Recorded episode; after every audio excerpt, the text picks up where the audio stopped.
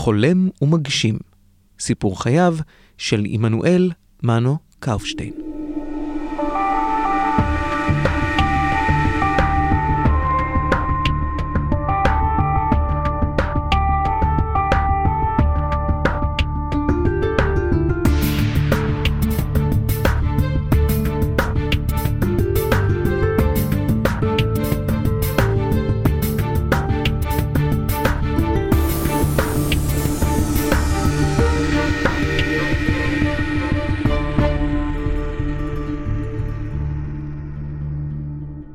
על הכביש בין זיכרון יעקב לבנימינה, בקו הבתים הראשון, ישנה נחלה ובבית, ועוד אחד צמוד אליו, רפת ישנה ומחסן עמוס, ארכיון כמעט רשמי ובו מאוגדים פריטים רבים מכל נקודה אפשרית בארץ, מפות, תצלומים, שרטוטים ושאר מסמכים. עדי, בתו של מנו, מקבלת את פניי אחרי שקצת הלכתי לאיבוד. מה שסימא את עיניי היה גינה ענקית מרהיבה ביופייה ובמגוון הצמחים שבה, סרחים, פרחים, שיחים, עצי פרי, צבעוניות מסחררת של ירוק וצהוב וסגול ואדום, כל מה שהטבע בחסדו העניק. עדי מובילה אותי אל הכניסה השמורה רק לחברים קרובים ולבני משפחה, הכניסה הצדדית הביתה דרך המשרד הקטן של מנו. הכניסה הרשמית לבית, זו המובילה לסלון, היא כניסה השמורה לרוב לאירוח רשמי. כל מי שיש לו חבר בכפר יודע, הכניסה הראשית היא לרוב לנוי. חשתי שכיבדו אותי בקבלת פנים השמורה לאנשים קרובים. לא כל אחד זוכה בכבוד כזה כבר בביקורו הראשון. עמנואל, מנו בפי קול, איש מאיר פנים וצחקן, מקבל את פניי בנרגשות לבבית. השיחה שלנו נמשכה על פני זמן, אבל גם במיקומים שונים בבית ובנחלה. פעם במשרד, פעם בארכיון, ופעם בחדר בקומה השנייה, חדר שמחלונו נשקף נוף מרהיב, ובמרכזו אחד ממרכזי חייו של מנו, טירה אחת שנבנתה במאה ה-18, ששמה הפך שם נרדף לאירועי תרבות, ושמנו הוא האחראי לשיקומה. עוד נגיע לזה. בכל נקודה, בכל חדר, עלו ובאו הנושאים והסיפורים שאגר משך השנים. כולם חיים בו עד אחד, כולם צלולים ובהירים, כאילו אנחנו עדים להם יחדיו בעת הזו ממש. אבל הרגע הראשון בשיחתנו, בו ביקשתי ממנו לתאר את עצמו בשלושים שניות, התחיל במשרד הקטן, בתוך הבית. נתחיל מהסוף. אני איש משפחה, קודם כל, זה אחד הדברים החשובים לי. אני איש אה, שמסתכל קדימה ומנסה לבנות תוכניות קדימה. חלקם הדברים שלא נראים ריאליים כל כך, אבל אה, אני מאמין שאפשר לבצע את הדברים. חשוב לי החברה, החברות, החברות, החברים, ואני מנסה כמה שיותר ללמוד. אני יודע שאני גם איש ביקורתי מאוד. ביקורתי, אבל מסוג של ביקורת לגמרי אחרת מה שאנשים רגילים. משהו של חנניה רייכמן, שאומר על הביקורת, שביקורת היא כמו משהו טוב שמייצר, שפורה. רק לפרחים מלאכותיים מזיק הגש, הגשם לתיתורת. מה זה בית? מה זה בית? הבית זה המקום שבו אתה פוגש את אשתך מחייכת, מרגישה טוב, ויש לנו את הילדים שלנו, ובאיזשהו מקום אתה נרגע וחושב וחולם על כל מיני דברים, מבלבל את המוח, ובדרך כלל צועקים עליך. צועקים עליך? למה? כן, בצורה חיובית. זה הבית, בית זה הפינה שלך. מכניס את השטקר לבטריה ורץ הלאה. זה ככה אני. אשתי סובלת אותי, ו... אבל ככה זה, כל הכבוד היא שותפה מלאה לעסק. זה הסיפור. זה מה שאני רציתי, אשת משפחה, בית, אמיתית. אני רק הצק, הצקתי לה, אז שנים הייתי בחוץ, אז זה לא הפריע כל כך. עכשיו אני בבית, פנסיונר. אני מלא הערכה. אני אני יודע מה שהיא עוברת, כל הדברים בהתנהגות שלה. והיא משקיעה. בילדים שלנו זה רק היא חינכה. אני ידעתי באיזשהו שלב, תמיד אני אומר לה, אני ידעתי מתי להסתלק. למה להסתלק? כי היה מישהו יותר טוב ממני שיכול היה, אני הייתי רץ בעבודה, אבל עדי היה, היה מישהו ש... שהוא עשה את העבודה נהדר. הציוות הוא טוב. עברנו ועברנו וזה ביחד, בלי, בלי זה לא היינו מגיעים. הנטייה הטבעית של אנשים היא כששומעים על אדם המעיד על עצמו שהוא ביקורתי, שאין עושהו דבר ודאי, סתם יושב בקרן הרחוב, מלא טענות לאחרים. טעות היא, מנו הוא איש עשייה רבת שנים. פעולותיו נגעו בכל אחד ואחת מאיתנו, בני ובנות הארץ, ואני משוכנע גם שרבים הם התיירים מארצות נכר שטיילו כאן, וכל אחד ואחת מהן מצא את עצמו בנופים ובמקומות שלמנו הייתה יותר מאשר רק יד בדבר. בשעה הבאה אתם תשמעו על איש אחד שבנה, ניהל ותכנן, לצד מפעלות הנדסיים, גם יישובים, דרכי נוף ומוקדי תיירות וקיט, מתוך ראייה אסטרטגית מעמיקה ותפיסת עולם בלתי מתפשרת. שמירה על הקיים ושיקום נופי עבר שהזמן והאדם עשו בהם שמות. אני עבדתי בקרן קיימת לישראל, במקורות, בסולל בונה, בפיתוח הארץ. הייתי כל הזמן איש שטח. ואיתרע מזלי, ואני מודה על זה כל רגע, שאני 30 שנות לא היה נקודה בארץ שאני לא הגעתי אליה. אתה רואה פה תמונות של... ששמתי, אני שמתי אצבע בהם, זה כל העסק. אז אנחנו בכל הארץ היינו.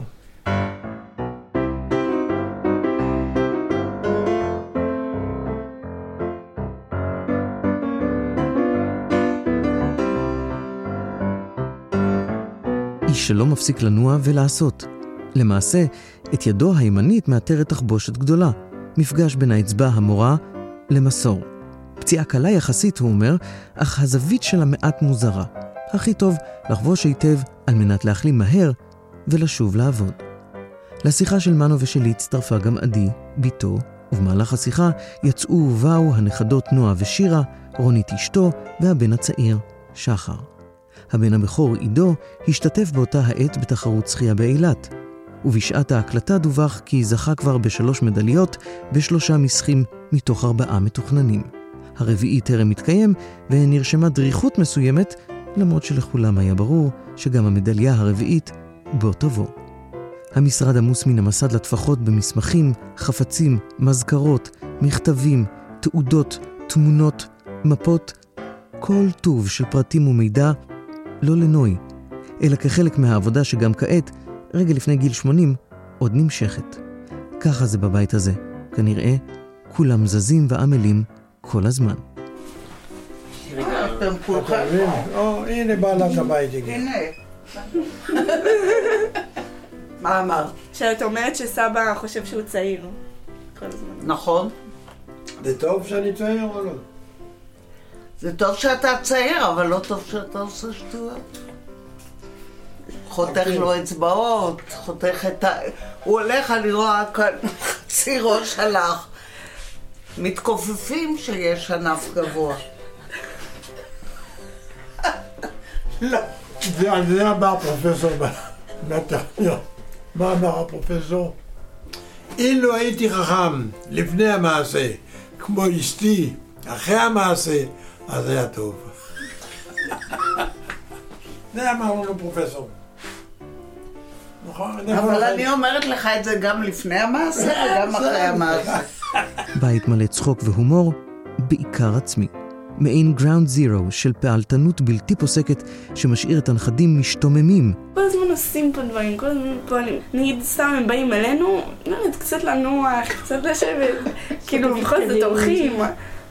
סבתא עושה משהו במגירות, סבא בונה לנו איזה שולחן, משהו כזה, כאילו, הזמן היחידי שהוא נח זה שהוא מול הטלוויזיה ואז הוא נרדם וזהו. ואז גם יש לו כישרון.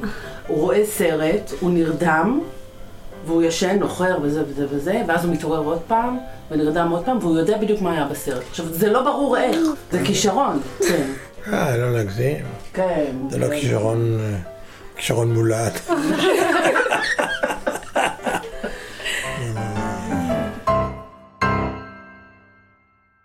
במהלך השיחה עם מנו ניתן, בערך אחרי שבריר שנייה, להבין שהאיש הוא אכן תבנית נוף ערש הולדתו, ושמנו ומורדות כתף הכרמל המזרחיים ובקעת הנדיב, שטח הארץ הנפרס מזיכרון יעקב ומזרחה לו עד לרמת מנשה, ובעיקר אותו מבצר מסוף המאה ה-18, חד הם. אבל, למעשה, הוא נולד במקום אחר. משה קאופשטיין ותקווה ויינר הכירו בפלוגת העבודה, פלוגת הגיוס של בית"ר, בראש פינה, שם נישאו בשנת 1938. הבית"רים תרמו, כל איש ואישה, שנתיים לפלוגות העבודה. בתום שנתיים בראש פינה היו בוגרים של פלוגת הגיוס שחיפשו דרך להתפרנס בארץ. התנועה, מנגד, לא תמכה בהם וברצונם ללכת להתיישב, למעשה, להקים יישוב חדש. בסופו של דבר, אנשי המושבה משמר הירדן הסכימו לקלוט אצלה מספר משפחות מאנשי פלוגת ביתר בראש פינה, גרעין גלעד. משמר הירדן, מודל סוף שנות ה-30, הייתה מושבה באה בימים, כמעט. בנקודה הזאת, למורדות הגולן, מעברו המערבי של הירדן, הוקמה ב-1884 על ידי ישראל מרדכי לובובסקי, מראשוני ייסוד המעלה, חווה חקלאית פרטית בשם שושנת הירדן. הקשיים הרבים בקיום החווה החקלאית הפרטית הובילו לכך שחובבי ציון הפכו את השטח למושבה בשנת 1890, ושמה הפך משמר הירדן. בני המקימים של חובבי ציון עזבו את המושבה, והקשיים החקלאיים שאליה נקלעה המושבה עקב כך, לוו גם בקשיים באחיזה בקרקע מול השכנים. בני גרעין גלעד שנאבקו על עבודה עברית, קיבלו על עצמם את העבודה בשדות המושבה, והתיישבו במשמר הירדן.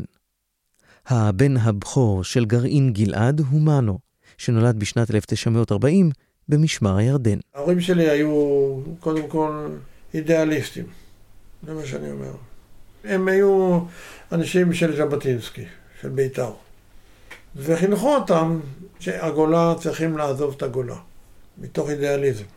אבא שלי היה קומוניסט בהתחלה. הוא עבד ביהלומים והרוויח הרבה כסף, בתור בחור צעיר, ועשה חיים לא נורמליים.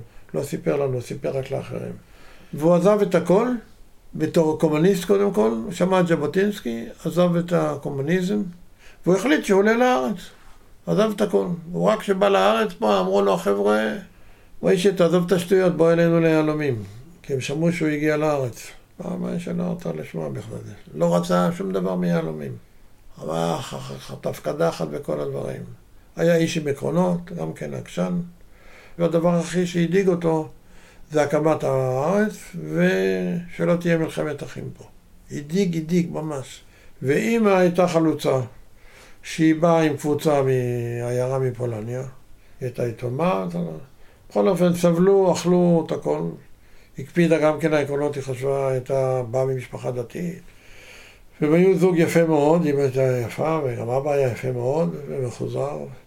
ואיכשהו חיתנו, התחתנו, והיא בנתה את הבית. הורים שטובים, מסורים שדאגו לנו כל הזמן. ודאגו גם מבחינת החינוך, שאנחנו נהיה בעד ארץ ישראל, מה שנקרא ארץ ישראל יפה. אבא שלי בא למכבייה השנייה, השתתף במכבייה השנייה בתור מכבי אנטוורפן, כי הוא היה ספורטאי, אהב את הדברים האלה. והוא בא לכאן והוא גילה שהפועל עשה תנאי שהוא לא ישתתף במכבייה, אם ביתר תשתתף. עכשיו אבא שלי היה מכבי, כי הוא השתתף בתור מכבי, אבל ברגע שנודע לו הדבר הזה, אז אמר, אוקיי, אני לא משתתף במכבייה, כמחאה. והוא עזב את הקבוצה והלך ישר לגליל, לראש פינה, זו הייתה פלוגת בית"ר בראש פינה. בלתי לגלי, היה כל השנים בלתי לגלי, עד שהוקמה המדינה. ואימא עלתה עם הקבוצה של החבר'ה שהיו שורשיים בבית"ר. עם אחד המנהיגים, עם שמשון יוליצמן, שלום רוזנפלד, אנשים שהיו אז דמויות. ואז כל בית"רי היה צריך לתרום שנתיים, כאילו, פלוגות העבודה, פלוגות גיוס, אז הם היו במשמר, ושם הם הכירו. הוא הגיע מכאן, הוא הגיע מכאן, בקיצור, נדדו שם בין, בין קדחת לעבודה פה ועבודה שם. הייתה תקופה קשה, תקופה נהדרת, אבל תקופה עם תוכן. היום חגגנו 80 שנה לתל צור, זה פה ביישוב חומה ומגדל, שממנו עברנו לשוני, ממנו עברנו לפה לבנימינה. הם לא חשבו לגמור כאן כמו בבנימינה, כמו בזה, אבל בדלת ברירה החיים הובילו אותם לכאן.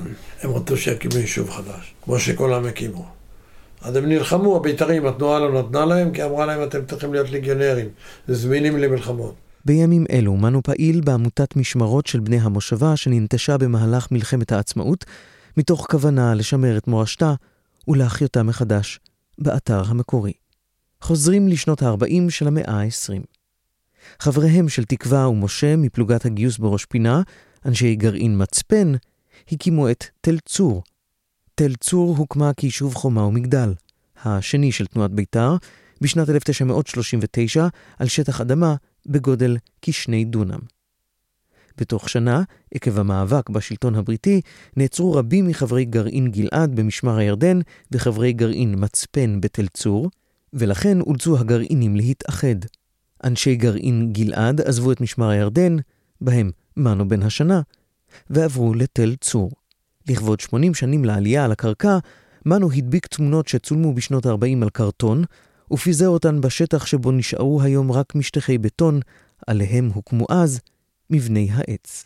בתמונות רואים ילדים מצחקים בשמש בוהקת, מנו, אחד מהם, מציצים מתוך מבנה עץ עם גג משולש, שהחומה של היישוב משמשת לו קיר. יישוב של חומה בית ומגדל. הנה, תסתכל.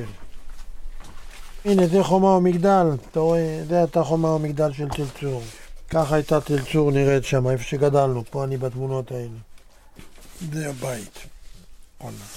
הנה, אתה רואה, זה מה שאני הולך לעשות עכשיו. אני עכשיו לוקח נגר מפה, כי יש רק את המשטח. וכשבאים אנשים למעלה, אני שם את השלט, שיבינו מה זה היה. אתה רואה איך שהוא היה, נטוש. לא, לא, שטח טרשי, לא נטוש, סליחה. זה הגבעה. וזה מה שהם עשו, חומה. עכשיו, בשביל להמשיך, היות ולא מסתעסקים עם זה, ואני בא עם התמונות ושם, אני עכשיו הולך שוב פעם בשיטות שלי.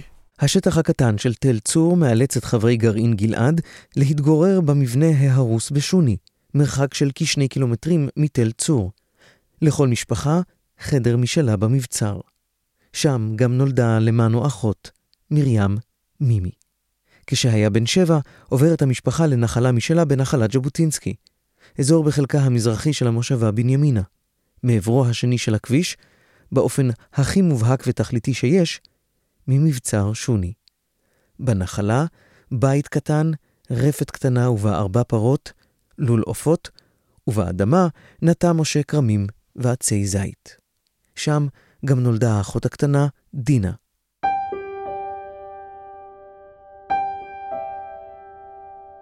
ובנימינה, בנימינה מושבה מהסרטים.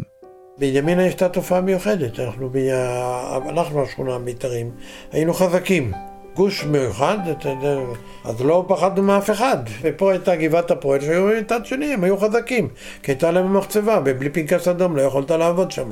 אז היה להם את החוזק שלהם מסוג אחר. בשביל להבין, אהוד מנור כתב בשיר על ימי בנימין, הוא כותב, אנשים אמרו שלום, חבר היה חבר. ובבנימינה, כשהיית הולך ברחוב, ברחוב, אתה היית מסתכל אחד לשני בעיניים, בעיניים. ואתה אומר לו, שלום. היום אתה בא לבנימינה בכלל, כל אחד הולך ומסתכל על הרצפה, לא אומר שלום אחד לשני. אין את השלום הזה. אנשים צריכים ללמוד להגיד שלום ברחוב. למה? יפה מאוד, זה נעים, זה יוצר אווירה. זה היופי של הדבר. מנו מתגייס לצה"ל ומשרת כקצין בחיל השריון. עם השחרור הוא מתחיל לעבוד בבניין על מנת להשלים בגרויות ולהצליח להתקבל ללימודים בטכניון. למדתי במגמה ספרותית, הוא אומר, עוד תוכלו להיווכח עד כמה הפרט הזה חשוב, ולא ממש הצלחתי במתמטיקה בתיכון. את ההתעקשות שלו לעמוד ביעד שהציב לעצמו, במקרה זה, להתקבל ללימודים באקדמיה הטכנולוגית של ישראל, עוד נפגוש במהלך סיפור חייו. הוא התקבל ללימודים לתואר שהיום נקרא בפי כל הנדסת תעשייה וניהול, אך באותם הימים איש לא לגמרי ידע מה זה אומר.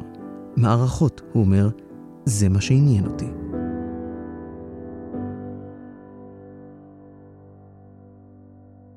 במהלך הלימודים, חברו לספסל הלימודים שזה עתה נישא, שידך בין מנו לאחותו של אשתו הטריה. החבר הקרוב ביקש להפוך גם לקרוב משפחה. בחגיגות היובל לנישואיהם כתב הגיס חבר, שבתאי, על השידוך בין השניים. באחד הימים, ובהפתעה מוחלטת, עידית שאלה אותי, האם אתה מכיר בחור מתאים לרונית אחותי? בעודי מההפתעה מתאושש, וברצינות באמת לחשוב מנסה, בכל זאת היא גיסתי, בראשי רק שם אחד עלה, מנו. לאחר חקירות ממצות בהם הובהר כי בחור השידוך מוצאו מבית בית"רי, מיד עלתה קרנו, שכן בית טרושקין, גם הוא בית"רי. מיד עידית את אישורה נתנה, ואת השידוך הצטוויתי לקדם. ואז, באחד השיעורים, יושבים אנו אחד ליד השני, המרצה נואם בהתלהבות, מנו רושם בקדחתנות, ואני חצי משועמם. הרעיון צץ, דף נייר הוצאתי ועליו רשמתי, האם אתה מעוניין להכיר בחורה יפה, חתיכה וגם נחמדה? מיד כתב, אני מעוניין. מי הבחורה? הם למדו יחד בטכניון ואני חיפאית. ככה הכרנו. נפגשנו בבית שלי והלכנו אחרי זה לטיול אה, לכרמל.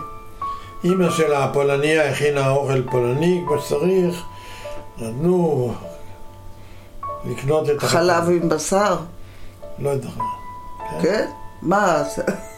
לא, לא אכלתי אבל חלב. לא, אז, אז לא אכלת. היא לא ידעה אפילו, היא שכחה שזה אסור. רונית ומנו מתחתנים במרץ 1967, ועם סיום הלימודים, מנו מתחיל לעבוד בחברת מקורות בביצוע פרויקטים של בניית מבנים וגשרים. במסגרת עבודתו שם, בחברת תמרית, לקח חלק בפרויקט שמיצב את הבריכות לאידוי הברום והאשלג, שלמעשה היום הביא להרג ים המלח ויצר את כל בעיית הבולענים והצפת המלונות. אבל אז, שנים לפני האסון האקולוגי, בעודו מהנדס צעיר, הוא למד את אחד השיעורים החשובים בחייו, הוא אומר. אם מישהו מחליט לעשות דבר מה, הכל אפשרי. אחרי בניית בריכות האידוי בים המלח, מנו לא עוזב את הדרום וממשיך משם לפרויקט נוסף, בניית קו צינור נפט אילת אשקלון, קצ"א.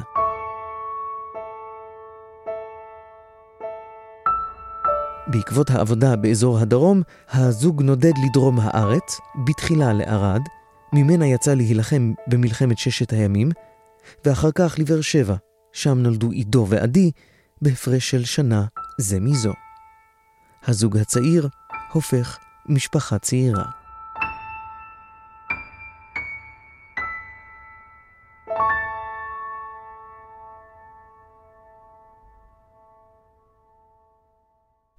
איך היה בקפריסין? מעולה. היה טוב. מתגעגע? תשמע, שם אתה לומד איך אנחנו מתקלקלים.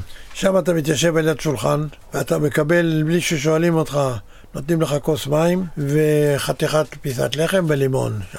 לא שואלים, אתה רוצה לאכול, לא רוצה, לא... זאת אומרת, זה קפריסין.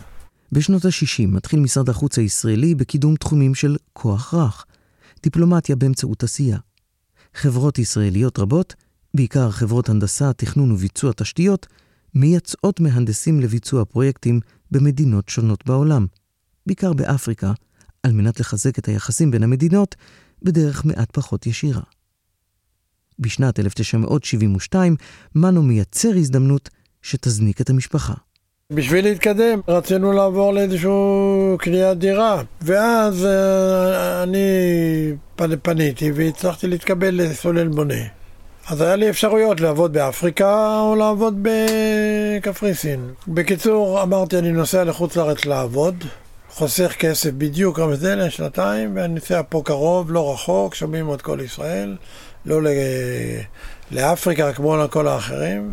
אז בקיצור, לקחנו את שני הילדים הקטנטנים, ילד אחד, שחר, נולד שמה, ועשינו שם דבר של פרויקט של הבנק העולמי, מערכות ביוב של ניקוסיה ופמגוסטה. עבדנו בקצב לא רגיל, בעבודה מוקפדת, בעבודה בסטנדרטים אחרים שרגילים לראות בארץ. ניקוסיה בעיר העתיקה זה היה סיפור, גם מערכת מים וגם חידשו שם את הכל. ניקוסיה זה כמו של ירושלים העתיקה שאתה מכיר, בתוך החומות שם. עד שפרצה המלחמה. בישראל, הצירוף של שנות ה-70 ומלחמה אומר לנו דבר אחד בלבד, מלחמת יום הכיפורים. אבל המלחמה שמנו מדבר עליה היא מלחמה אחרת לחלוטין.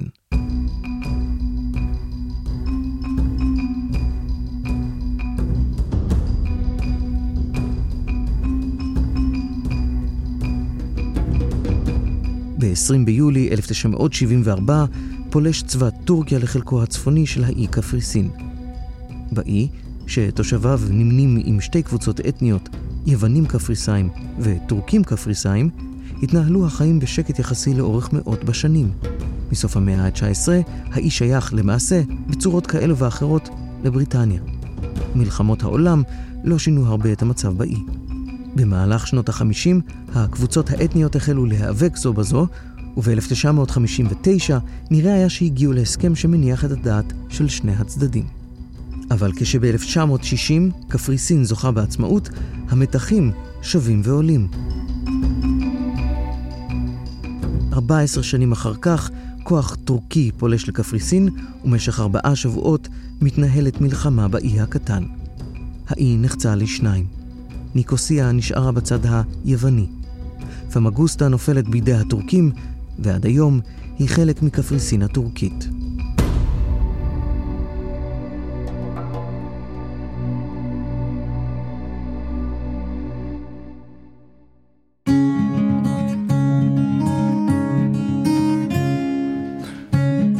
ב-2014 חוזר מנו, ואיתו ילדיו ונכדיו, לביקור בקפריסין, נרגש ושמח.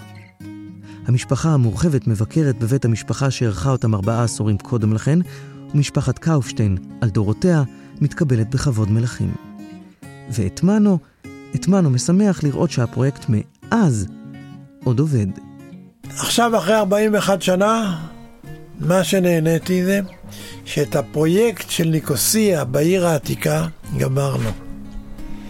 ואתה היום, ניקוסיה בא לעיר העתיקה, זה כמו עיר חדשה, כי גם המערכת המים וגם מערכת הביוב והרחובות שם נקיים ועובדים, זאת אומרת, אתה רואה, מזל שהספקנו לגמור את הדבר הזה בניקוסיה היום.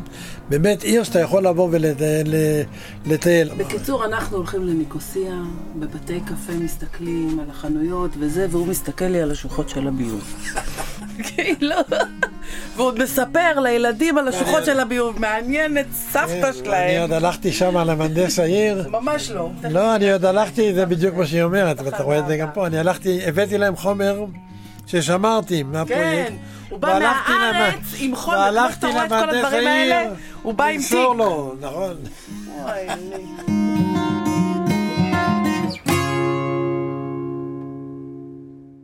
חוזרים ל-1974.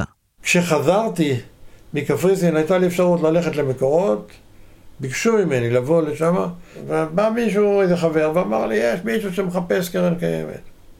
לגמרי אחר. הוא אמר לי, ההוא מחפש, ואני שקלתי בין שני הדברים האלה, והייתה לי הצעה הרבה יותר טובה, וגם הייתי גומר הרבה יותר טוב בזה, אבל אמרתי, זה נשמע לי. פה קרן קיימת זה היה מקום עם השראה. זאת אומרת, יותר ציונות. וראיתי פה את הפוטנציאל. אני התעסקתי עם דברים שניהלתי, תכנון וכל הדברים האלה. עשיתי גם תואר שני בתכנון עיר ואזור, בתחום שבו אני נתתי כל הזמן רק הנחיות. התחלתי בהתחלה בתור מי שנותן הנחיות ולוחץ, ואחר כך אני הייתי שותף, אה, ויש לי תמרורים בכל אחד מהמקומות. זוכרים את המשרד העמוס? על הקירות תמונות שטח ונוף, חלקן ממעוף הציפור, חלקן משקיפות אל עבר גאיות, בחלקן הצופה מתגמד אל מול צמרות העצים האבותים. מפות טופוגרפיות לצד אבנים, שאם תשאל, כתובתה המדויקת של כל אחת ידועה גם שנים רבות לאחר שנאספה והובאה למשרד, ומעין כוורת מגירות, שגם אליה עוד נגיע, וספרייה עמוסה בכל טוב. מסוג המקומות שניתן להינעל בהם שעות ולא ממש לרצות לצאת מהם. יש בו במקום הזה זכיות חמדה וחפצים מעוררי עניין מקריירה שנמתחת על פני עשורים רבים. בגדול, בקרן הקיימת אני כל ארבע, חמש שנים החלפתי תפקיד. החזקתי מעמד אותות לזה, קודם כל החלפתי כל הזמן דברים, התעסקתי עם כל מיני תחומים, שקרן קיימת זה עולם שלם ומעניין. ודבר שני, אני אומר לך, בזמן שאני עסקתי את פארק נחל חדרה, שאני הובלתי, אז אני עשיתי עוד עשרה דברים אחרים. ולא ראיתי בזה בעיה. והמעבר הזה בין תפקידים, הרצון לחדש והפעולה התמידית ששורשיה ניזונים מסקרנות אינסופית, הובילה את מנו לעמוד בראש המחלקה שעל פניו נדמה כי אין לו אפילו חצי דבר עימה.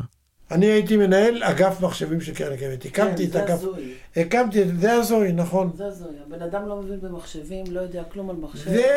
זה, הזוי, נכון. איך אני נהייתי מנהל אגף המחשבים של קרן קיימת? לא ברור. היה מחשב ישן, זו תקופה קודמת. היה מחשב ישן של קרן קיימת שעשה הנהלת חשבונות ושום דבר.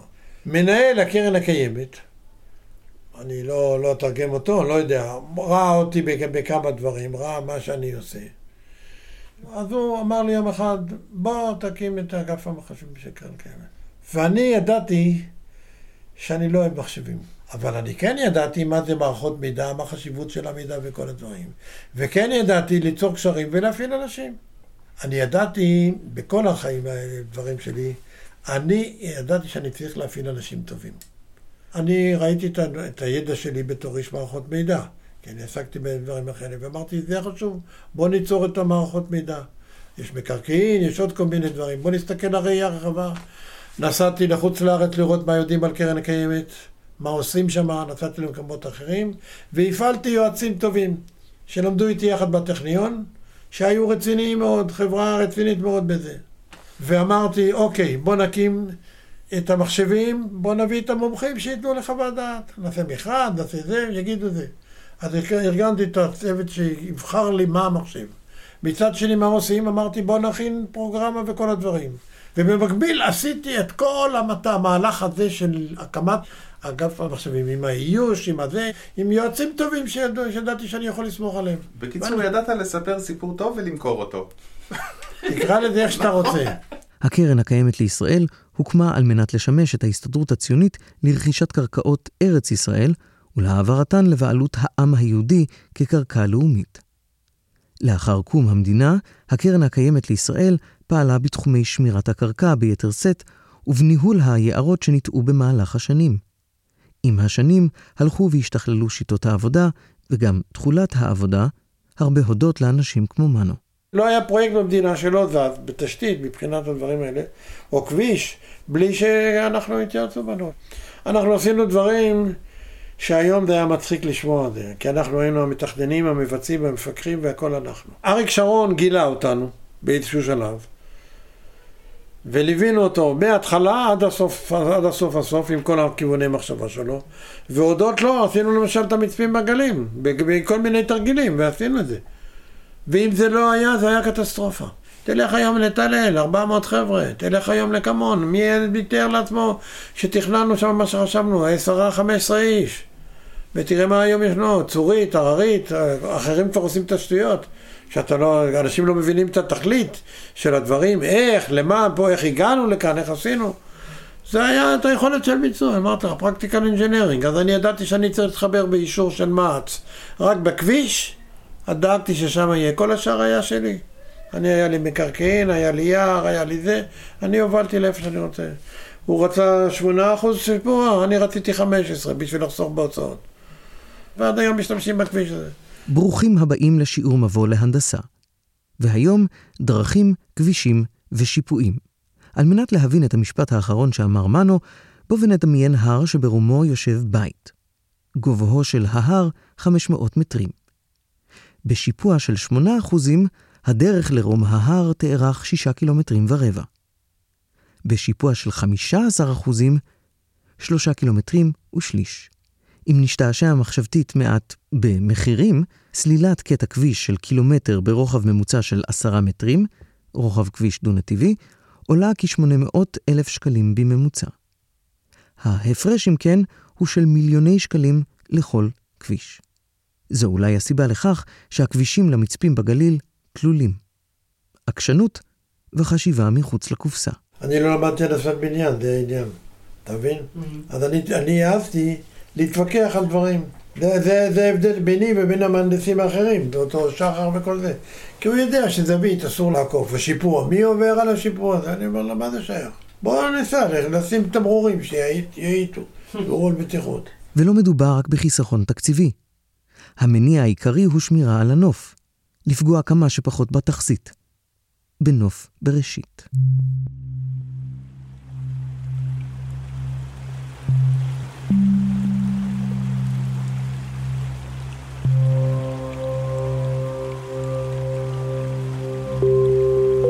אנחנו עשינו את העבודות של אזור תעשיית תפן. בהתחלה הייתי פורץ דרכי יער והייתי לא הייתי רגיש. עכשיו לאט לאט למדתי להסתכל על הדברים בצורה אחרת. אני, אנחנו למדנו ב, ב, באנגלית. היה לנו מורה לאנגלית, משהו נהדר. למדנו קטעים בעל פה ודברים כאלה. והיה כמה שירות של וורדסווס, איזה יופי של שירים. אז הוא מדבר על ה daffodils. They flash into my inward eyes and then my heart with pleasure fills and dances with the daffodils. כשאתה חולם ואתה פתאום ה daffodils מגיעים לך וזה משנה לך את כל הדברים האלה. ולפעמים, בשוכבו על יצועו, עת מנוחה או עת הגות, הם בורקים בתוך בבת עינו, כשיא אושרה של הבדידות. אז ימלא ליבו עסיס, לצאת לחול עם הנרקיס. מאנגלית, אליהו ציפר. למה להרוס קודם כל? אפשר להסתכל לאן, לאן זה מוביל אותך ומה לחשוב את זה. אז ככה הסתכלתי על כמה דברים. אמרתי, למה דרכי נוף? למה להרוס אותם? למה לא להסתכל אחרת? במצפים כבר עשיתי חשיבה על הדברים האלה. היה לי אדריכלים, גדעון שריג ושמות רציניים. ואמרתי, למה לעשות כולם סטנדרטים? בואו נעשה כמה מיוחדים. יש הר אבירים. זה מצפה אחיד, בואו, הוא לא יגדל. היום הוא כבר ענק שם, אבל מהבעל המונפורט שם באזור. אז אמרתי, בוא נסתכל על הכבישים, איך אנחנו עושים ואיך אנחנו נראים. ואז התחלתי לעשות כל, כל דרך שמרחוק, שרואים, שלא יראו את הפריצות. שלא יראו את זה. יש לי כמה מקומות, עלייה לקמון ועוד כל מיני דברים. מהנדסי וזה, אני בתכנון כבר חשבנו איפה שמים את הערימה של האבנים. שלא ייראה מרחוק, שיישאר אותו נוף יפה. ולא רק בגליל הייתה ההשפעה של תפיסת העולם הזו של מנו, אלא גם אי שם בדרום הערבה. פארק תמנע של קרן קיימת. אני עשיתי את התוכנית בשביל להשגיח שלא יראו שום דבר, שלא יראו שום פס שחור של כבישים. שיישאר טבעי כמו שהוא. הפטריה שהיא אומרת, התרחקנו ממנה. לא האמנתי בזמנו של דברים, אבל עשינו. כי חשבנו עם האדריכל, בוא נתרחק, הרחקנו את המקום, ואתה רואה היום איך הפטריה בולטת שם, איך היא יפה, איך רואים אליה, איך ניגשים אליה, יורדים, איך הכל נראה אחרת.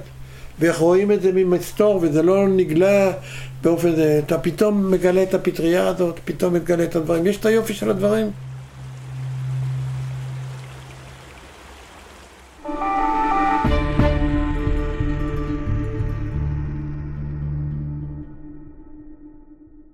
אני הייתי קשה, קשה לאנשים, אבל בסך הכל שמרתי עם כולם קשרים נהדרים.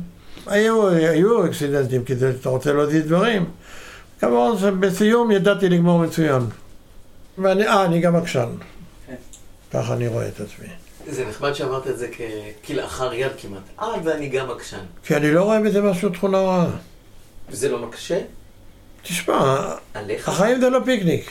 בוודאי שלא, אתה עובד, אתה סופג השפלות, אתה סופג כל מיני דברים, אתה יודע לשים את זה בצד. אם היעד הוא אחר, אז אני מסתכל על זה, אז שהוא יעליב, אבל הוא בסופו של דבר אני יותר חזק. או אני אגיע למה שאני רוצה. שילמת מחירים על עקשנות? בוודאי? הרבה. אני הייתי הרבה תפקידים, יכולתי להתקדם וכל מיני דברים, אז ב... אני נראיתי בתור מישהו שמטריד, מפריע, לא כל אחד חושב את זה. סיפוק היה בעבודה. אז לא הגעתי לנהל את העסק, וטוב שלא הגעתי, כי אז נשארתי נקי מכל הלכלוכים שהיו שם. אני חשבתי שצריך להקים אגף תכנון, אז הקמתי אגף תכנון. דר, אני דרשתי דברים הגיוניים, מי שיסתכל. ואני עבדתי עם אנשים שהיו גם כן הגיוניים. העליתי בפני רונית את השאלה, האם מנו באמת עקשן כמו שהוא מעיד על עצמו? ועוד איך עקשן. והעקשן יש דברים טובים ויש דברים לא טובים בעקשנות. הוא יכול להיות גם טרוריסט. אבל הוא עקשן גדול. אם רוצים משהו, אז אה, מתעקשים ומשיגים את זה. עקשנות זה בעצם תכונה יחסית יותר טובה מאשר יותר רעה. בלי עקשנות לא מגיעים לכלום. גם בעבודה ובכל מה שהוא מתחיל עבודות, הוא עושה את המקסימום, מוציא את הנשמה מעצמו, ואחרי זה נותן לאחרים ליהנות מהפירות. זה נכון? סיפוק שלי הוא בעשייה. יש בזה משהו במה שאת אומרת. ממש. נכון. הוא התחיל, הוא הקים, הוא דאג לזה שזה יוקם. נכון. הוא עקב במשך השנים על זה שהפרויקטים יעבדו. ואחרי זה נותן לאחרים לקחת את מתעצבנת. ה... ובסוף מישהו אחד מקבל את הקרדיט. נכון, זה האמנו. קרדיט זה משהו שהעסיק אותך פעם? למה לא? לא, אותו זה לא. אני, יש לי מעסיק. סיפוק בעשייה, אני יודע את מה שאני... אני, ההנאה שלי הוא בזה שהפרויקט שוני קיים. ההנאה שלי היא בזה שאנשים באים, אני דיברתי על זה שיהיה הצגות אה, בשוני, שיהיה זה, ואתה רואה שזה יש לו. אני לא צריך את הקרדיט, שמה. מי שיודע, יודע, ומי שלא, לא צריך. מי מקבל בסופו של דבר שאתה עושה עבודה, מי מקבל שבחים? את המדליות, את התעודות הוקרה וכל זה. אנשי התקציבים. לא, ככה זה, אלה אנשים שלא קשורים, רק שאישרו פעם אחת את התקציב, הם בעסק הזה. אבל הוא גם שם אצבע. אז פה זה פרויקט שאני הייתי קשור בו, שיקום נחל חרוד. פעם ראשונה שקיבלתי באיזשהו מקום הפתיע אותי, מישהו נתן לי תודה. הוא כתב יפה, תודה על הכל, ולא פירש. דבר אחד שאתה כן רוצה ש... שיהיה לך קרדיט עליו. מכל הדברים שעשית, אתה אומר, זה משהו אחד שכן חשוב לי שידעו שזה אני. אני זוכה להערכה בזה שאנשים באים, מספרים להם, או שהבן שלי בא והוא נפגש עם אנשים, אומרים לו על אבא שלך וכל זה, זה הקרדיטים. בגיל 52, הגוף מאותת למנו, עצור, יש לחשב מסלול מחדש. בגיל צעיר יחסית, באיזה גיל? נכון, אז הצנתורים זה היה משהו... אחרי הצנתור ישר שלחו אותו לניתוח לב פתוח. סבבה, אנחנו באים, הוא אומר לי, קחי את אימא לסרט, חבל, יש עוד הרבה זמן, וזה... הוא בניתוח והוא אומר לי, קחי, קחי אותה לבלות, לזה... כן, הייתי, אמרתי. ככה אמרת, כן. איך זה נהיה? מה קרה? האמת היא אה, כזו, אני הרגשתי משהו לא בסדר. אתה רופא של עצמך במידה מסוימת, זה אני יודע. ואז אה, במידה מסוימת אני גם אמרתי שטוב שאני צעיר שאני עובר את זה. ואני עד היום אני אומר שטוב ש... שעשיתי את זה, כי כשאתה מבוגר זה לא עובר. וה- ואז אה, יותר, הצנתורים בכלל זה היה משהו מיוחד. עוד רק התחילו, היום, היום פותרים את כל הבעיות בלי ניתוחים שאני עברתי. כי עושים את היום, הם היום עושים את זה עם צנתורים. האמת, ממה ששמעתי, לא נראה שהוא האט כל כך. אמנם אחרי הניתוח נראה שהוא עשה את השינויים המתבקשים באורחות חייו, אבל לא נראה שהקצב נפגע. מנו עשה הכל על מנת להמשיך ולעשות. כשמנסים לבדוק איתו מתוך הדברים הרבים שהוא עשה, במה הוא הכי גאה, הוא אומר, הצלתי עץ. שלושה, למען האמת.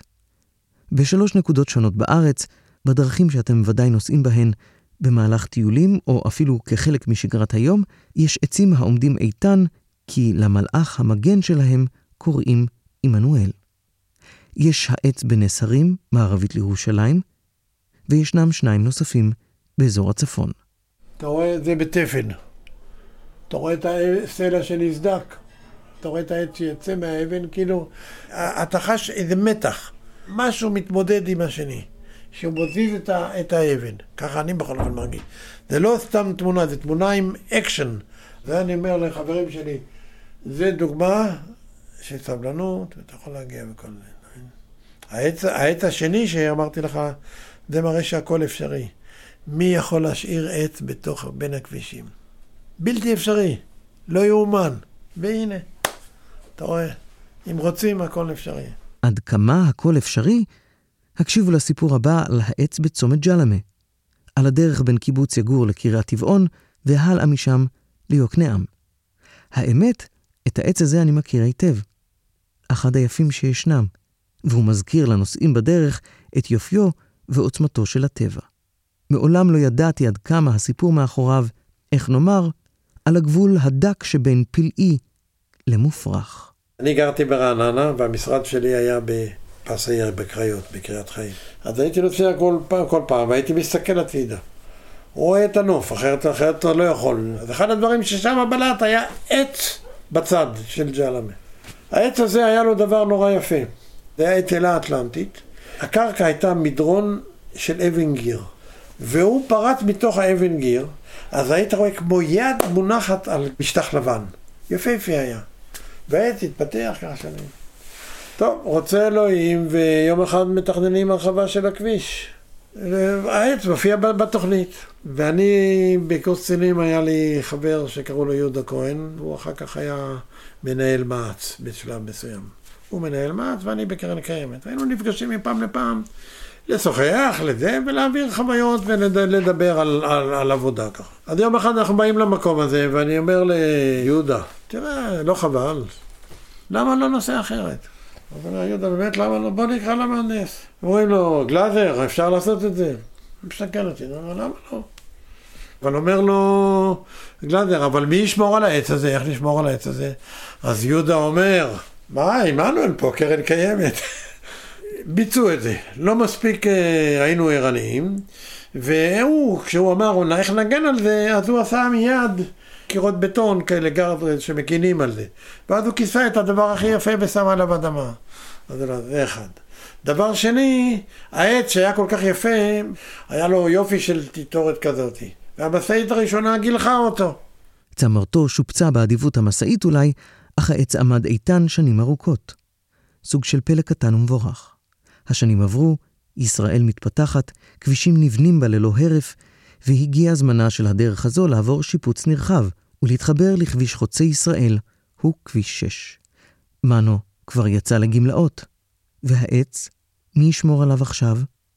ובכן, הסיפור עוד לא נגמר. הסכיתו ושמעו. מי האחראי על התכנון? הבן שלי, שחר, מנהל אגף תכנון בנתיבי ישראל. אני אומר לי, שחר, אוי ואבוי לך אם יורידו את העץ הזה. אז הוא אומר, כן, הייתה ישיבה במע"צ, ואמרו, מי האידיוט הזה שהשאיר שם את העץ הזה? אז שחר אמר להם, זה אבא שלי. כששחר נשאל מה עמד בעומק התגובה שלו לשאלה המאוד לא מנומסת הזו, האם היה זה עלבון או השתאות, הוא חושב רגע ואומר, כן, זה, זה, זה הבן אדם, מה לעשות? כן, כל אחד... וכמהנדס, איך זה נראה לך? עכשיו מקצועית. כמהנדס זה נראה כאילו בעל חזון, רק פחות אה, מחובר למציאות. ויש כל מיני צורות איך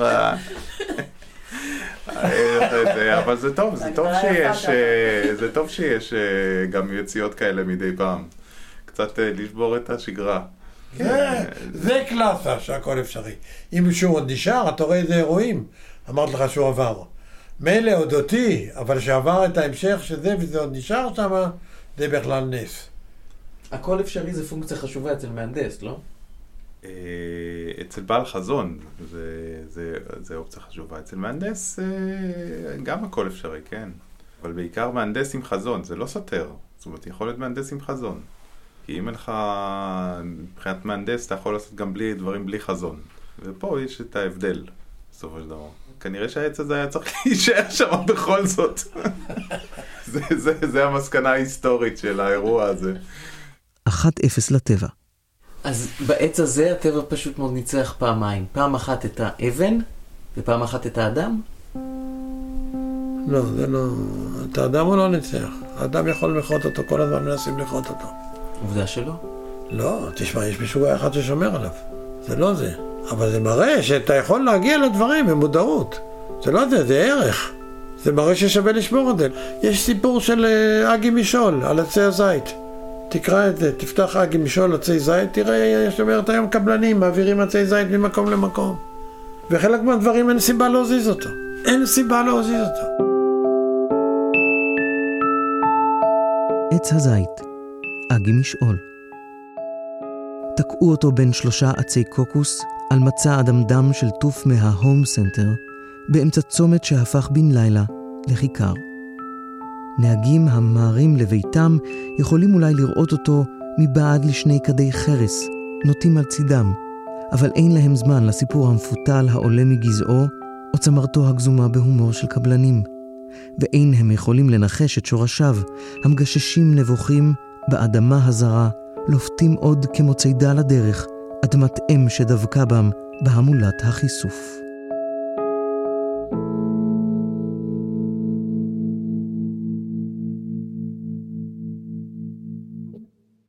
תחת תמונות העצים השמורים, היקרים לליבו של מנו, ישנה כוורת המגרות אותה הזכרתי קודם.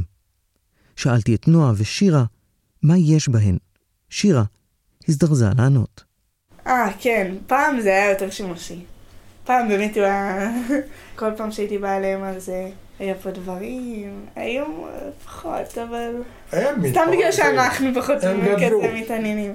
אבל פעם זה היה ממש... כל פעם כאילו שהוא לא עשה משהו על זה. בחיים שלו, אז הוא חשב על הנכדים שלו, ואז אם משהו שהתאים לאיזשהו נכד מסוים, אז הוא שם פה. נגיד, סתם אני אוהבת ספרדית, אז אם היה משהו שקשור לספרדית, הוא היה שם במגרש שלי. אני זוכרת את זה בתור משהו כיף. זה משהו שמחכים לו? כן. אני זוכרת שהיה דברים ששימחו אותי, נכון. כאילו, ספציפית באותו רגע. חשוב היה לי שנהיה מעורב ומשותף איתם. חברים אני רציתי, אני לא רוצה להיות הסבא שלהם. אני רוצה להיות חבר שלהם. זה הקו שמוביל. אמרת, בן 20. נכון?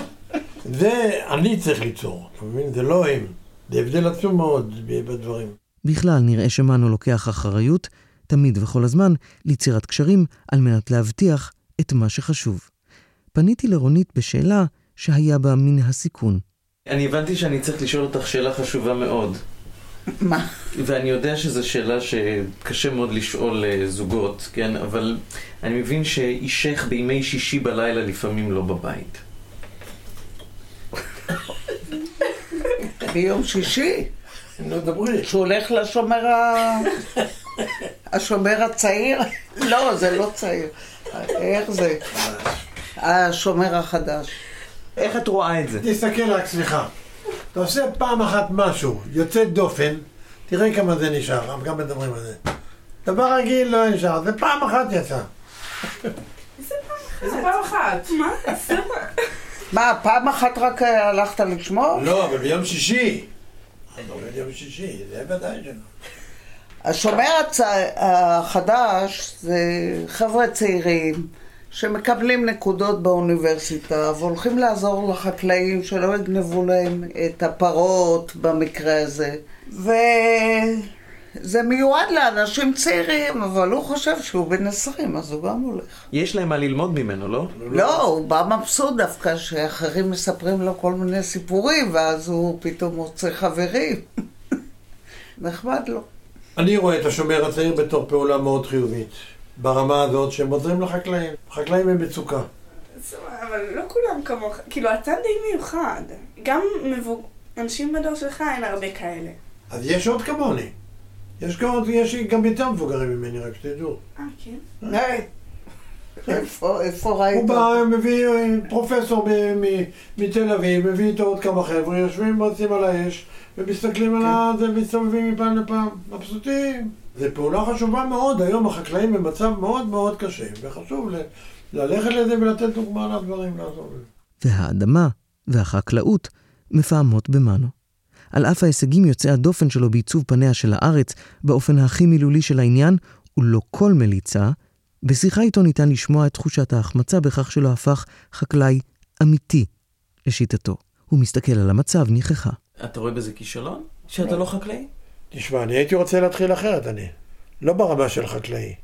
יותר לדעת, יותר לזה, כי אני, חלק גדול מהדברים, אני עושה את זה כמו שאחרים עושים, כמו שאני שומר, מתייעץ. אבל זה לא חקלאות, או הייתי הולך לכיוון אחר. חקלאות היום זה מקצוע. מקצוע, מקצוע, מקצוע. גם החקלאי עצמו. חקלאות היום בבעיה. אז עושים היום חקלאות תיירותית. אז הוא עושה פה מטע של חממה והוא מוכר את צמחי עינוי. זה חקלאות תיירותית. משרד החקלאות מחפש מה החקלאים יעשו באדמה. מפחדים לקחת כי עד מי יאבד את המערבים? זה הבעיה היום. ומה עם אוכל? אין בעיה. מייצרים היום בכמות גדולות, לא חסר פה אוכל, אתה רואה. מייצרים פה עודף ושולחים לחוץ לארץ. הרווחים הם לא בארץ. היום עם, עם הטכנולוגיות, עם התחכום, עם הכל, להפך, תביא כמה תאילנדים ועובד ומוציא לך פי כמה, מה שכל האחרים. אין בעיה, החקלאות לא סובלת. אבל יש את הבעיה של המקרקעין, זה כבר לא בעיה שלך החקלאות. בגלל זה נותנים לי להחזיק אותה 30 דונם. 30 דונם אני אחראי עליהם. וכמוני ישנם עוד אלפים.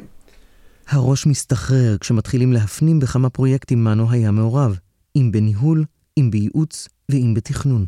אבל התפיסה המנחה הייתה זהה, האדמה. ויקח אדוני אלוהים את האדם, ויניחהו בגן עדן לעובדה ולשומרה. כך בבראשית ב', פסוק ט"ו. ואת התפיסה התנ"כית הזו מיישם מנו על גן העדן הזה שלנו. ומתוך תפיסת השמירה על הקרקע, לא רק האחיזה בה, נולדו המצפים בגליל, 45 יישובים בגליל ההררי. התוכנית כונתה גם ייהוד הגליל. הייתה בבנייה מסוג האווירה שהדהדה את הקמת יישובי חומה ומגדל. אני שלטתי בתוך שטח הייעור של קרן קיימת וכל הדברים, ידעתי מה אני יכול לעשות שם. ידעתי שפה ישנו כביש, אמרתי להתחבר לכביש. כל השאר אני עושה מה שאני רוצה. לא הלכתי, זה הכל היה קיצורי דרך.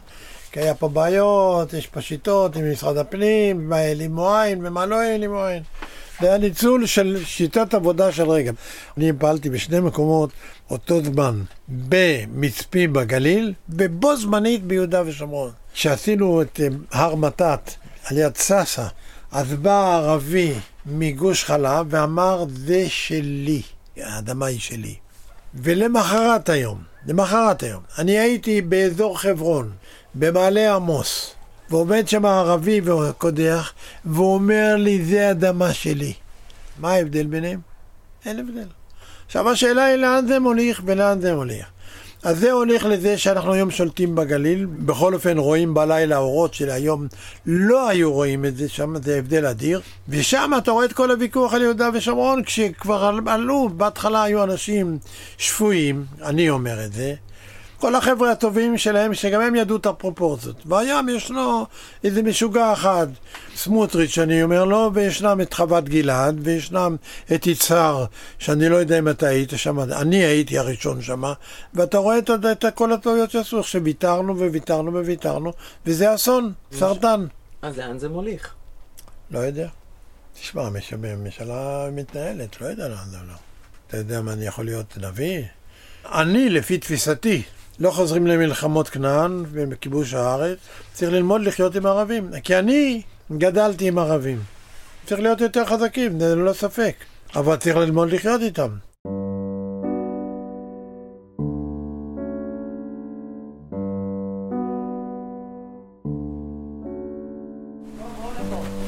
החוויה הזאת, אתה רואה, אתה עומד פה, תפתחי רגע את הרשת שם. אתה רואה, תסתכל כמה שזה יפה, נכון? בואנה, בואנה, פה. תסתכל שם. אתה רואה איזה תמונה יפה עשינו פה? זה תראה איזה תמונה יפה יצאה.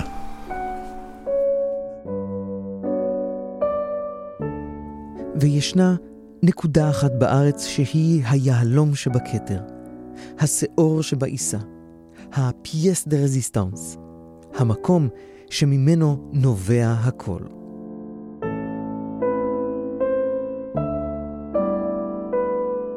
ישנן שתי דרכים עיקריות המובילות לבנימינה.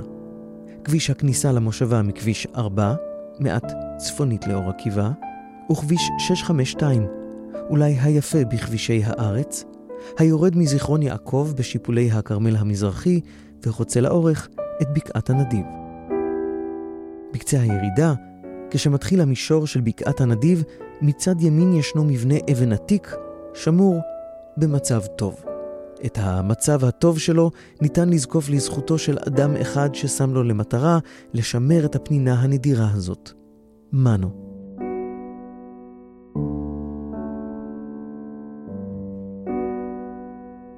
בתקופה הרומית, שוני הייתה עיירת קיט בה עשירי קיסריה, לא נראה שהשתנה הרבה באלפיים שנים, נהגו לשכשך את רגליהם בבריכות מים ייעודיות שהיו חלק ממפעלות המים המרשימים שבנו הרומים, דוגמת האקוודוקט שעוד עומד על תילו.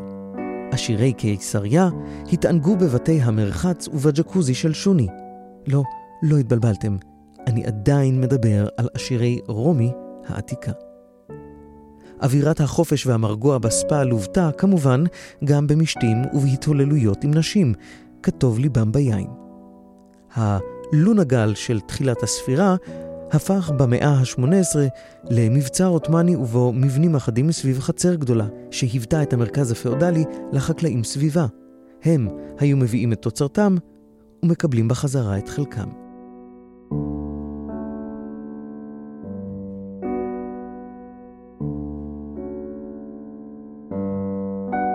ב-1913, הברון רוטשילד קנה את האחוזה בכוונה להפוך אותה לחלק מרצף ההתיישבות החקלאית שהקים באזור. אחרי נפילת האימפריה העות'מאנית, ובתקופת המנדט הבריטי, נוסף על ששימשה המצודה בית מגורים עבור אנשי בית"ר, האזור כולו היה חוות אימונים צבאיים עבור אנשי האצ"ל.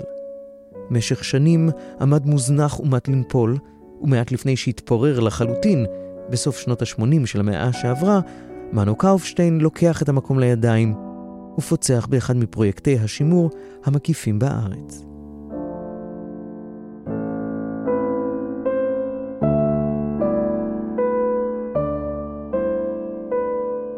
ואת המקום הזה אפשר לראות מהבית של מנו, מהקומה השנייה.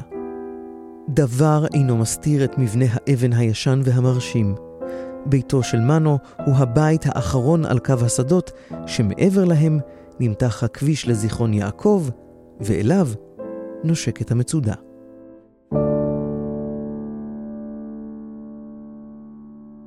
שוני זה בית אה, ילדותי, כמו שילדות של כל אחד. זה מקום שבו גדלנו על יד הנחל וכל אה, זה. חיים חיים מאושרים. היום ישנה המועצה לשימור אה, מורשת, אבל היא התחילה בתור מועצה לשיקום. היה אחד משוגע שקראו לו יוסי פלדמן, היום אני רואה קצת, אנחנו קצת, קצת היינו דומים, הוא היה בעין גדי. התחילה תנועה של שימור מורשת. עכשיו, אני הייתי בנקודת מפתח. קרן קיימת היה לה את הכסף, יכולנו לעשות מה שאנחנו רצינו, נקרא לזה, ורק לעשות. והיא רצתה לפתח בארץ תעסוקה, וזה הצטלב עם האג'נדה שלה, חינוך ודברים כאלה. שוני, אז עוד לא, היא לא הייתה קיימת, התחלנו לגלגל את העסק. מה לעשות, איך ללמוד, איך לא לפגוע, איך לשמר, כי זה היו כולם מבנים שהיה כתוב עליהם של ההריסה. ואנחנו אמרנו, מה להרוס? זה מורשת, זה סיפור, זה היסטוריה שלנו. ואני, שגדלתי פה, ידעתי את כל הערכים הדברים האלה. שוני לא מופיע ברשימת האתרים לשימור, כי הוא שימש דוגמה לזה, לשימור. רציתי לדעת אם אה, שלמה ארצי התקשר להגיד תודה. לא. לא. בין 160 אלף ל-200 אלף איש באים לכאן לשוני, במיוחד להופעות של זאפה. לזאפה, אני מדבר, לא מדבר דברים אחרים. זה הסדר גודל של ההופעות שלהם פה. שומרים עליו ומפעילים אותו טוב. ומשגיחים שזה יישמר, כי אני מפחדים ממני, זה אני יודע. שוני, מה, ש, מה, שקורה, יש לה את, את הייחוד שלה, אז אני בא ואני מסביר. באחד המקומות, למשל, אני באתי ואמרתי, יאללה, חבר'ה, בוא נשים כל אחד, יש את המקום איפה שגרתי, איפה החדר איפה שאני הייתי, איפה שאחותי הייתה שם, כזה. שמנו שלט אה, בית קאופשטיין, אתה מבין? שלא יהיו סתם החדרים. וזה היום הפינה של האומנים, איפה שהם מתרכזים לקראת ההופעה. אז משם הם יורדים לבמה. אז עכשיו החבר'ה של זאפה, כי מכירים אותי ויודעים, ופה ושם, אז הוא אומר לי, האומנים שואלים מי זה קאופשטיין. אז אני לא יודע מי זה האומנים, לא, לא חקרתי ולא זה. תשמע, עוד אין שם חלק של המוזיאונים, ויש שם הרבה דברים שחסרים, וזה סיפור שוני, זה עולם. זה עולם. מנו לקח חלק גם בשיקום נחלי ישראל. מה זה נחל? מה זה, מה זה? נחל זה פה, זה אפיק מים, זה הכל. זה הכל? נחל זה אפיק מים?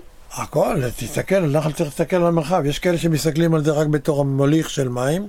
זה הרשות הניקוז שמתעסקת, זה היקרנים, ואנחנו למדנו להסתכל על הנחל בתור מרחב אדיר. איך זה משפיע, מה יהיה מסביב, מה יהיה על הנחל, וכל הדברים האלה. זה, זה ההבדל של תכנון נחל. אתה מבין? בגלל זה אני, כשאני מדבר פה, כולם מסתכלים איתי על הקרקעות ועל קצת הנחל והאפיק. אני אומר להם, לא. בואו נסתכל הכל, יש לנו פה את הגהר שהוא תיירות, רמת הנדיב, מחצבה, שוני, כל הדברים ישנם, יש פה אפיק ויש פה את בקעת הנדיב של החקלאות, בואו תלמדו את הדברים האלה, להסתכל על זה, תכינו תוכניות.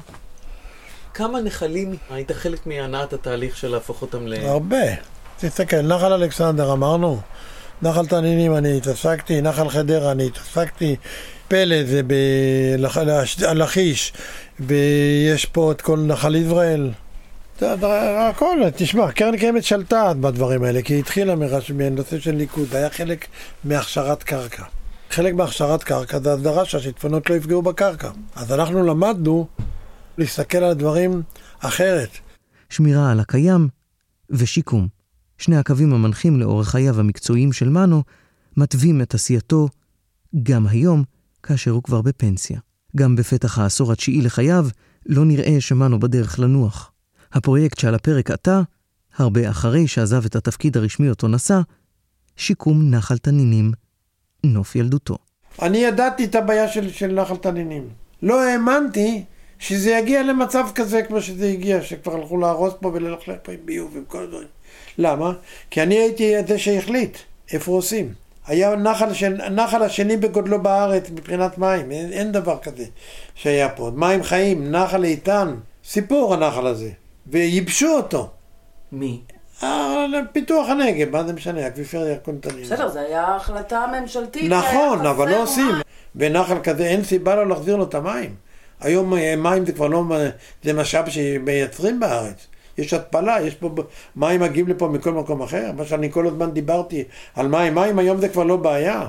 פעם זרמו פה שלושת אלפים קוב לשעה. שלושת אלפים קוב לשעה מים פה. זה המון מים. נכון. והוא היה, זה, מה, זה הנחל השני אחרי הירקון. לא נחל חדרה, לא נחל פולג, לא, לא נחל קישון. ובגלל זה אקוויפר ירקון תנינים סיפק מים לזה. עכשיו החליטו שלוקחים מפה את המים. קודם כל לקחו את זה בשביל ההשקיה פה. אז רצו להשקות כמו בתקופה הישנה, בהתחלה, להציף את השטח וזה. אז אמרו, בוא נעשה סכר. במקום 3,000 קוב, זרמו 300 קוב לשעה. זה עדיין כמות גדולה. אני זכיתי להתרחץ במים האלה, בזרימה הזאת. זה היה נחל, אבל לא עם הזרימה הגדולה. עם השלוש מאות קוב האלה התחילו לפתח את, ה, את הנגב, כי מה שאני מדבר זה היה בשנת 40. המדינה קמה, עשו את המוביל הארצי ואת קו ירקון נגב, שזה השפיע על הזה. ועד מה שקרה, הורידו פה את מפלס המים ועוד עשו פה עוד כל מיני פרויקטים אחרים. בקיצור, התייבש המקור של הדבר הזה. עכשיו, אני חייתי וראיתי מים פה. כשעסקתי בשיקום, ידעתי את כל הסיפורים, רק לא ידעתי מאיפה מגיעים לפה המים. ומה ההשפעה של הדברים האלה, אבל ידעתי שזה שמור נקי, כי ידעתי שלא נותנים לשום ביוב להגיע לכאן. לא, לא שופכים, זה לא כמו הנחלי מירקון שהפך להיות מזבלה. פה השגיחו כל השנים שיהיה נקי. אז השנה, השנה האחרונה הייתה ששחררו פה מים במעיין באזור אביאל, והנחל עד לפני חודש, אני לא הסתכלתי עוד היום, זרמו במים והיו פה דגים, עלו כמו שבתקופה שלי. גם היה גשם אחרון, גשם טוב, שהחזיק פה את זה, אז זו השנה הראשונה שהיה פה... שאלה. למה? מה למה? למה זה חשוב? או, הנה. אתה רואה, מה עושים אנשים היום? מתפרנסים מחקלאות, או מתפרנסים מתיירות. זה נוף, נוף ילדותך. לא נוף ילדות, נוף ארץ ישראלי. אין דבר כזה. הירקון מסריח. פה אתה יכול להיכנס ולשחות. אתה יכול לשקשק במים לשחק, אתה יודע איזה יופי. הם עושים פה, הקבוצה הזאת שהתעסקת עם חיים לנחל תנינים. הם הולכים ומתרחצים שם. עם הילדים.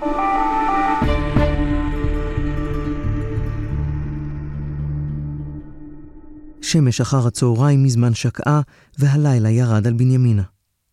באמפישוני הסמוך מתכוננים להופעה. את הבלנס, חזרת הסאונד שעורכים המוסיקאים טרם המופע, שמענו במהלך פגישתנו.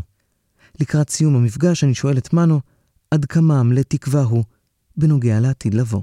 אני אופטימי. בדרך איך לעשות, יש כל מיני מכשולים, צריך לדעת להתגבר עליהם. אז אם יש מנהיגות אמיצה, זה מגיע.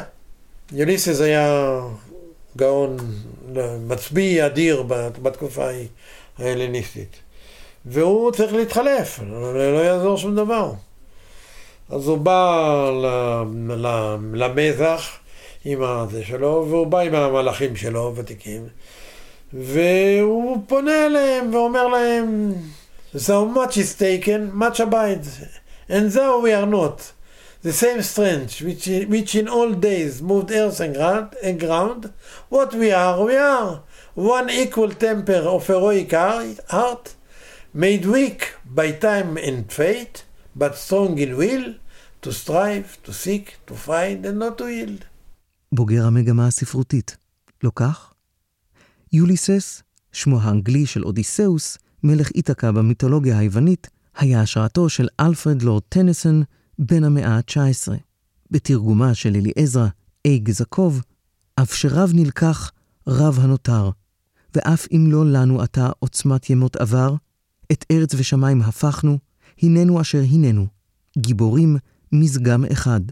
החלישום גורל וזמן, אך אז רצונם חתר, ביקש, מצא, לא להיכנע.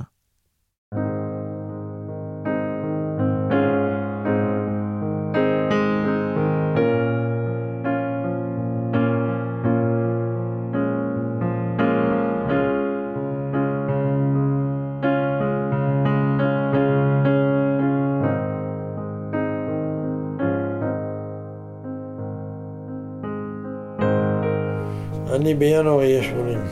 אבל אני בן 20. ואתה יכול לתאר את הידיים שלך? ידיים שלי. ידיים שלי איש עבודה. אתה רואה שמקומט כמו שצריך, עם, עם סימנים של ורידים. יש לי כזאת יד בגודל של פי חמש. עשיתי, עשיתי פיסול. אמרתי, צריך לנסות. אז יש לי פסל של יד, של היד הזאת.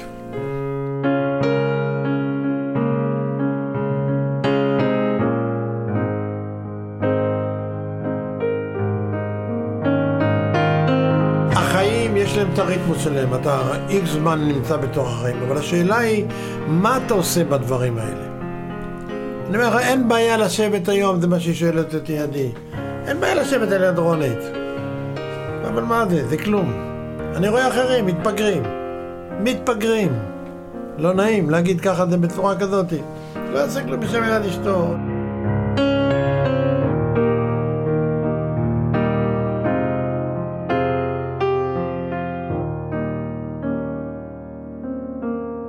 מה שחשוב הוא שאנחנו ממשיכים פה איזושהי מורשת של ההורים שלנו. להישאר פה וליצור פה. אנחנו מצליחים להעביר את הלפיד הלאה, ונקווה שיהיה רק טוב. המאבקים לא נגמרו. צריכים להיות חזקים, צריכים להיות עקשנים, צריכים להיות נחושים, וככל שאתה הולך ועובר הזמן, ומתרחקים ממה שאני זוכר, המצב הולך ומחמיר. כי הנושא של ערכים יש להם איזו חשיבות מסוימת.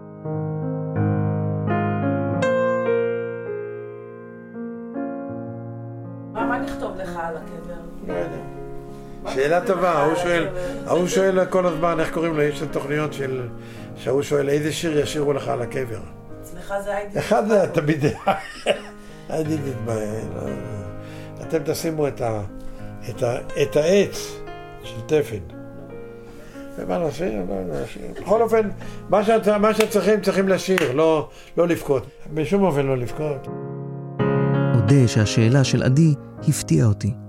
אבל כפי שוודאי כבר שמעתם, הדברים במשפחה הזאת נמצאים כולם על השולחן ודנים בכל, במתינות מחשבתית ובהומור.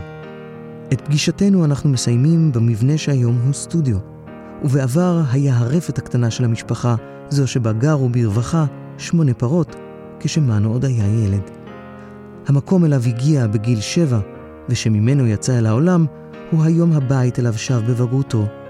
הבית המהווה את הלב הפועם של המשפחה שנולדה לרונית, ולא. אז בארבעה בינואר 2020 אתה חוגג? 80. 80, בטוח? לא ארבע פעמים 20? ארבע עם עשרים יותר טוב, כן. כל הכבוד, למדת משהו.